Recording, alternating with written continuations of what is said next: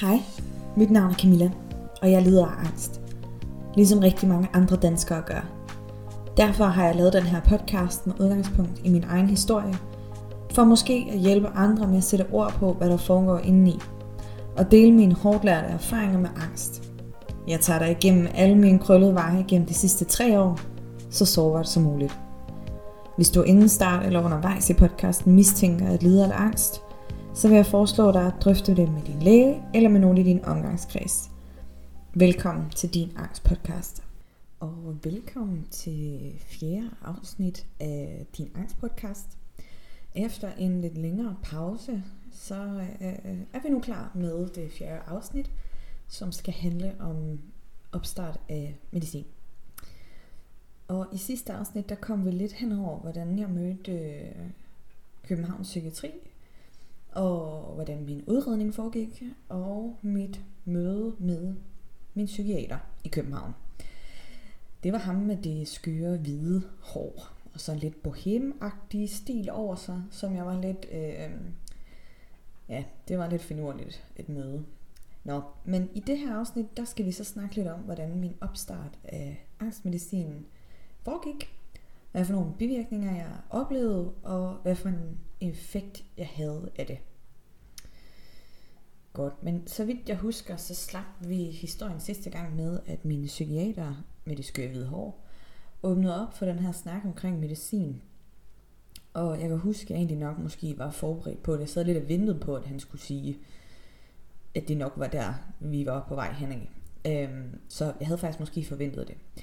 Øh, og som jeg måske også har sagt før, at jeg var jo et sted med hele min situation og alle mine symptomer, at jeg var næsten fløjtende med, hvad, de, hvad der skulle til, og hvad for noget medicin jeg skulle tage for at, at få det bedre. Øhm, men han siger så, jeg synes, at vi skal starte med noget, der hedder sertralin.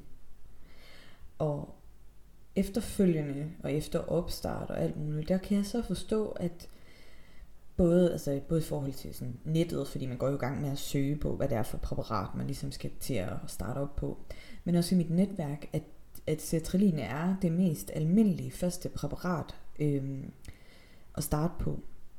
Det er et øh, det er en medicin, der øh, går ind og gerne skulle behandle eller bedre øh, symptomer på både depression og flere former for angst. Øhm, så det var her, vi startede. Øhm, og hans filosofi omkring medicin var meget sådan, at altså han fortalte mig blandt andet, at han udelukkende gik ind for at, at starte blødt op på medicin. Fordi altså, medicin er jo kemi, så, øhm, så han havde jo meget, han havde meget den her øh, forestilling om, at hvis øh, man starter ud med en alt for høj dosis, jamen, så kan det være, at du faktisk er gået hen over den dosis, der passede for dig. Og øh, problemet ved, at du overdoserer, det er, at du rent faktisk kan få den modsatte eller en negativ effekt af medicinen. Øh, altså hvis du får mere, end du egentlig har behov for. Og det virkede egentlig som en meget fin forklaring. Jeg tror, jeg godtog den meget hurtigt og sagde, jamen, øh, det har jeg aldrig hørt før, at man skulle kunne overdosere. Jeg tænkte bare, okay, altså, kan man få for meget af det, altså bliver man ikke glad låget af det, eller det ved jeg ikke, det har nok noget med kemi at gøre, det har jeg aldrig været super god til, så jeg øh, tænkte, det har du mere styr på end jeg, så derfor øh, så tænkte jeg, det kører vi med. Og han foreslog så, at jeg skulle starte op på de her 25 mg, øh, hvilket er en meget fin øh, indtrapningsdosis. Øh, øh, og så skulle jeg så øge til 50 mg efter cirka 14 dage. Øh, og altså set i set i bagspejlet, så tror jeg egentlig, at øh, altså med den viden, jeg sidder her i dag, øh, at altså medicinen skulle jo ikke have stået alene dengang, at jeg startede. Øh, fordi medicin bør aldrig stå alene.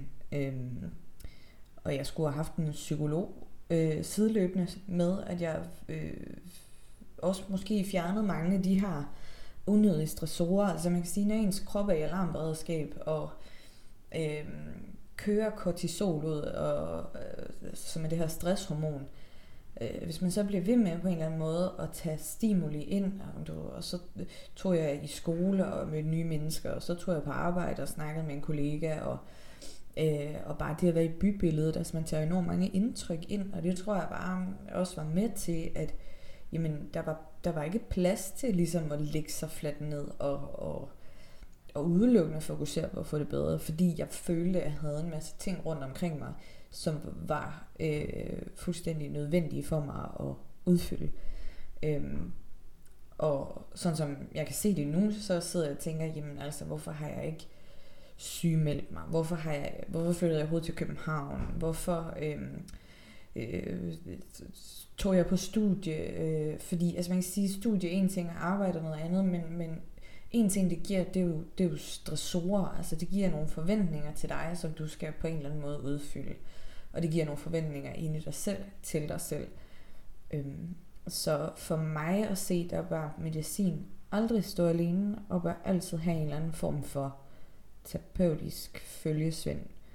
Øhm, og så synes jeg også, at man skal kigge lidt rundt omkring på, sit, øh, på sin dagligdag og se på, okay, jamen altså, jeg går både i skole, og jeg træner, og jeg øh, mødes med veninder, og jeg har en kæreste, og øh, Øh, pendler, eller øh, tager, tager på arbejde, og alt hvad der nu kan være af forskellige stressorer, sige, okay, men kunne det være, at der er nogle af de ting, jeg simpelthen ligesom bliver nødt til at sætte på pause, for at det her, det kan få lov til at fylde, øh, fordi det har det tydeligvis ikke gjort indtil nu.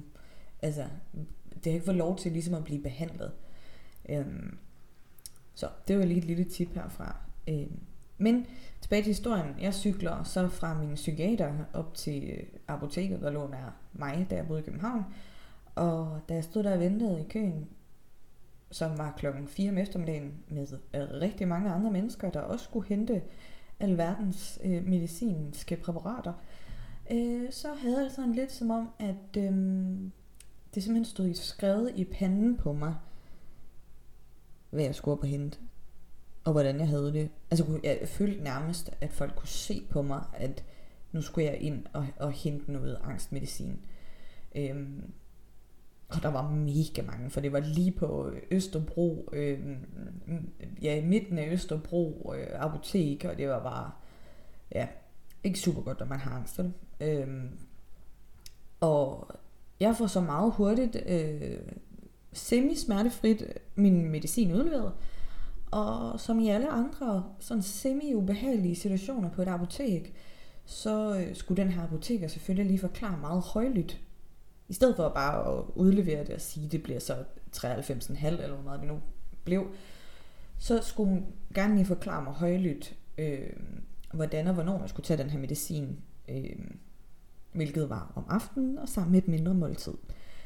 Og at jeg så i samme øh, du lige kunne tilkøbe nogle sugetabletter, fordi at man godt kan få mundtørhed, når man starter på medicin. Øh, og for mig i den der meget akavede situation, og virkelig uvidende, så takker jeg ja til de her sugetabletter, som i øvrigt var monsterdyre og totalt unødvendige. Så det er lige et lille tip her til dig, hvis du ender i samme situation, og du bliver tilbudt nogle sugetabletter til 70 kroner. Don't take it. Du kan lige så vel spise bolcher eller tyk på tyggegummi, fordi det handler om at få din spytproduktion i gang i munden. Så, det var også lige et lille tip. Nå, jeg starter samme aften, og altså det ved jeg ikke, men, men jeg tænkte jo, øh, at, at okay, så vil jeg kunne mærke det lige med det samme. Agtigt. Så et rigtig godtroende, nu, nu har jeg været god og startet på medicin, og nu skal der også bare være effekt, og sådan, du ved, rigtig sådan en, nu sker der noget. Og jeg kunne bare, altså ja, jeg kunne ikke mærke noget særligt, og det kunne jeg ikke de første to uger. Øhm, Udover at jeg var så dødsens træt, og jeg havde virkelighedsfornemmelse som aldrig før. Øhm, hvilket jeg sådan efterfølgende har tænkt over, jeg kan vide om det er fordi, at man har haft så mange tanker, eller så meget tankemøller. Og hvis tankemøller lige pludselig stopper, og der bliver stille, jamen, så kan det da også godt blive super mærkeligt lige pludselig. Det ved jeg ikke. Det er i hvert fald bare noget, jeg har tænkt over. Øhm, men jeg trapper så op på de her 50 mg efter to uger, og jeg blev, altså var i forvejen udmattet, men jeg, jeg blev mere udmattet. Jeg var tung i hovedet, jeg var svimmel, jeg havde kvalme. Stort set alle de samme symptomer, som, ja, og søvnløshed, som, som jeg øh, døde med øh, før medicinstart, og som var en del af mine angstsymptomer. Øhm, men jeg tænkte sådan ligesom, okay, jeg blev så holdt holde ud, og jeg var inde og læse på nettet og så sådan, okay, øh, effekttiden er cirka op til 8 uger. Øhm, hvor jeg kan blive sådan lidt, jamen, okay, 6 til 8 uger i, for mig føles, som det føles, et, et, et, et tæt på helvede, så, øhm, så synes jeg saftsus man godt nok, det var lang tid, samtidig med, at man har et liv, der foregår ved siden af, af en. Øhm, og som kræver noget af en. Og igen, det er også derfor, jeg siger, fjern de der stressorer, der er rundt omkring dig. Altså, når du starter på den medicin, så er det fordi, det også kræver din opmærksomhed. Og så kræver det også, at nogle dage, der ligger du i sengen og er dødsens træt. Altså, jeg, jeg, jeg ved ikke, hvordan er folk, de kan sådan komme frem til, at når så går jeg til lægen med, med depressive tendenser eller angsttendenser, og så får jeg lige en pille, og så hup til så kan jeg være tilbage på arbejde den efter. Sådan, det er i hvert fald bare noget, jeg har lært, at den strategi, den holder bare ikke i længden, fordi det bliver, det bliver overfladebehandling, det bliver symptombehandling, og, og i bund og grund, så får man ikke arbejdet med det ordentligt, fordi man får ikke, du, du når ikke at få tid til at, at være i den proces, der hedder at få det bedre. Og det kommer til at bide en i røven. Undskyld mit franske men det kommer til at bide dig i røven senere, øh, og du kommer til at blive lagt ned. Øh, så jeg ser det udelukkende som symptombehandling, øh, hvilket også er derfor, at jeg ville ønske, at jeg havde gået til psykolog, øh, samtidig med, fordi at, øh, at det her, det, altså når man starter på medicin, så kræver det ligesom en, en rodbehandling. Man bliver simpelthen ligesom nødt til at sige, okay, øh, grunden til at komme på medicin, det er simpelthen for at få noget ro i mit hoved. Det var det i hvert fald for mig. Noget ro i hovedet, og så gør det det meget nemmere øh, rent terapeutisk, hvis man er et, et sted, hvor alt sådan ikke kører rundt, og man øh, har tankerne på arbejdet, man har tankerne i skolen, man har tankerne på eksamen, næste eksamen, der skal afleveres, eller øh, veninder, der skal ses, en kæreste, der skal plejes, hvad det nu end kan være. Men, men det, at du skal starte på noget medicin, er altså en ret skilsættende ting, og det kræver altså noget opmærksomhed indad. Så det var lige et lille opråb. Øhm, men efter de her øhm, to uger startede jeg 50 mg, og det, det gik som en fin. Der skulle lige gå lidt tid. Øh, og så var der en dag, hvor jeg sådan tænkte, okay, jeg har ikke lagt mærke til, hvordan jeg har haft det i dag. Hvilket faktisk var virkelig mærkeligt, fordi jeg jo så lang tid havde gået og været enormt øh, invalideret af alle mine fysiske og psykiske gener. Øh, så det var faktisk virkelig mærkeligt for mig, at der var en dag, hvor jeg var sådan, hey hov, det har slet ikke været der i dag, eller sådan, at der selvfølgelig, altså, selvfølgelig er det der, jeg tror bare, det er et spørgsmål om, at, at man heller ikke sætter sig fast tankemæssigt på det, og det tror jeg ikke, jeg havde gjort, i hvert fald ikke i nogle timer på det tidspunkt, hvor jeg opdagede det. Øhm, men til gengæld så skal jeg også øhm, sige, at det jeg oplevede i, i høj grad var, at jeg blev ramt af sådan en osteklokke vibe fornemmelse, sådan lidt zombieagtig.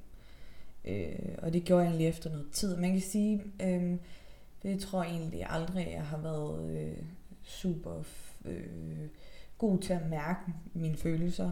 Øh, og de har måske været sådan lidt øh, svære for mig at arbejde med Øh, eller se overhovedet. Men jeg tror bare, at hvis, hvis de i forvejen var små for mig at opdage eller sætte ord på, så var det der om noget endnu sværere, hvis de så blev mindre af medicinen.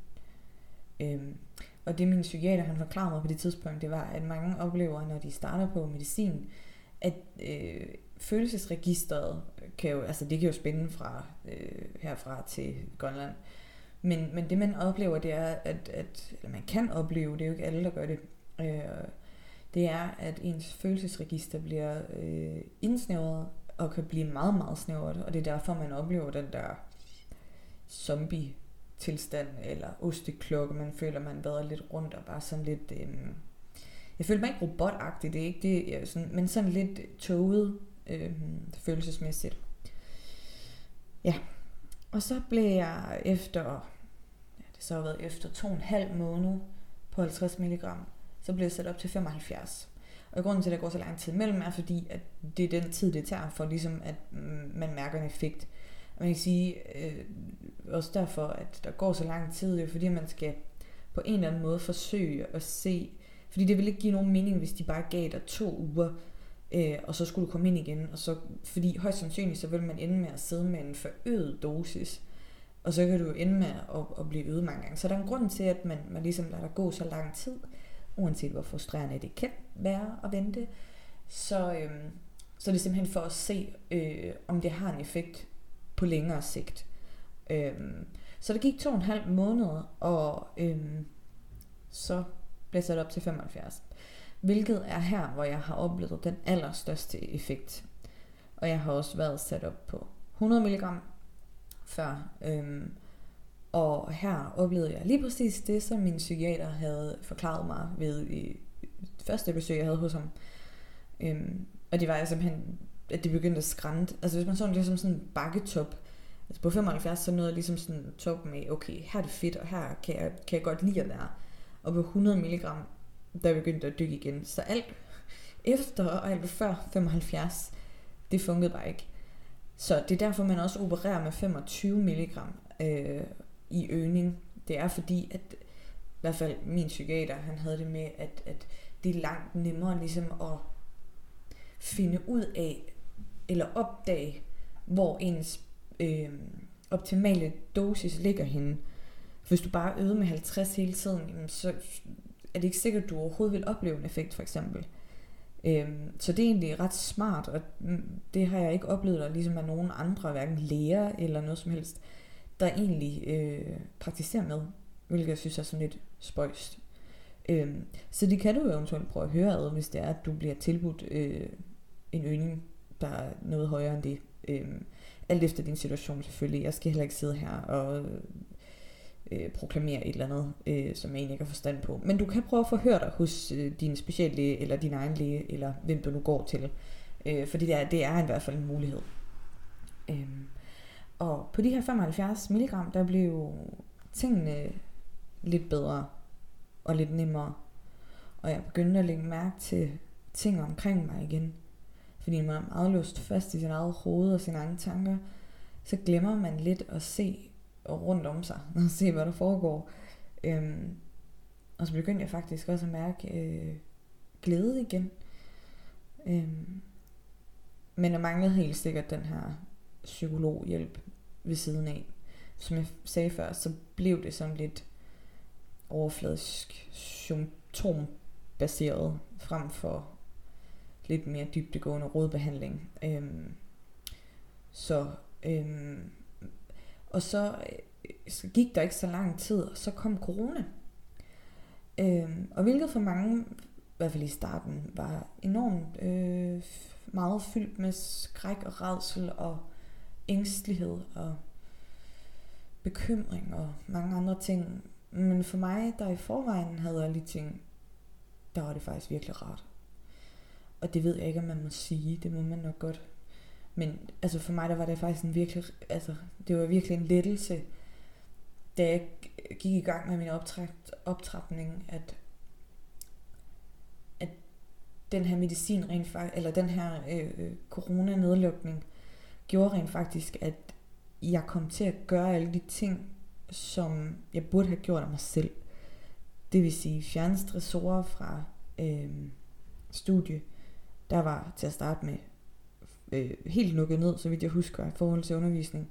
Så starter man op på online undervisning, hvilket er super rart, når man på, på en eller anden måde, hvis man oplever meget angst og mange fysiske eller psykiske symptomer, så er det meget rart at kunne ligge et sted, der er rart og trygt, og hvor man kan få lov til at ja, lave en kop te, uden at der er nogen, der kigger skævt på en, eller vender hovedet i et auditorium. Øhm, og, og det her med arbejde, det, det fjernede sig jo også helt naturligt øhm, i forhold til, øh, jamen altså, der, der skulle jeg jo så pludselig ikke møde op, vel? Øhm, og, og hen ad vejen, så, øh, så tog jeg også tilbage til Aarhus en del, til min daværende kæreste, som, som boede i Aarhus stadigvæk.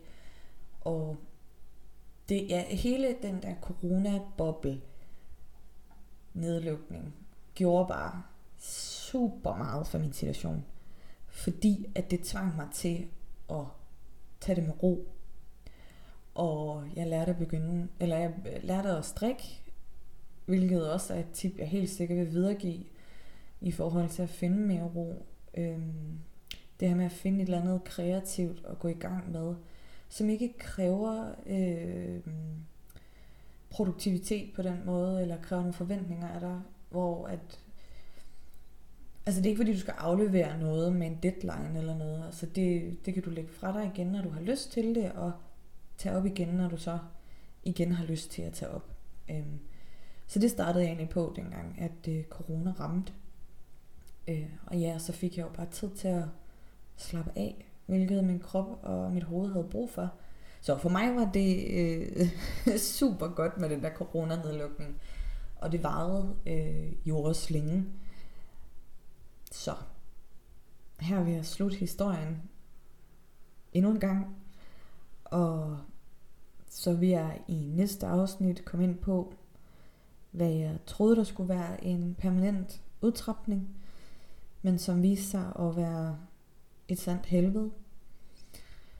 Og komme lidt ind på, hvordan situationen er den dag i dag, og hvad man kan gøre for ligesom at lære at leve med sin angst.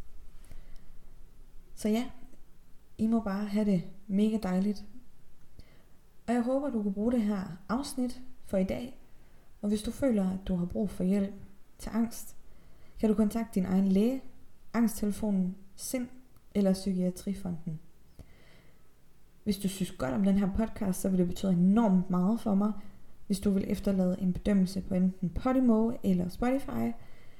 Og derudover så kan du skrive til mig på din angstpodcast gmail.com hvis du trænger til at række ud eller gerne vil adressere noget i forhold til podcasten.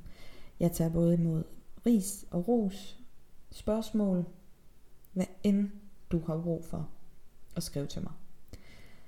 Tak for den her gang. Vi ses i næste afsnit.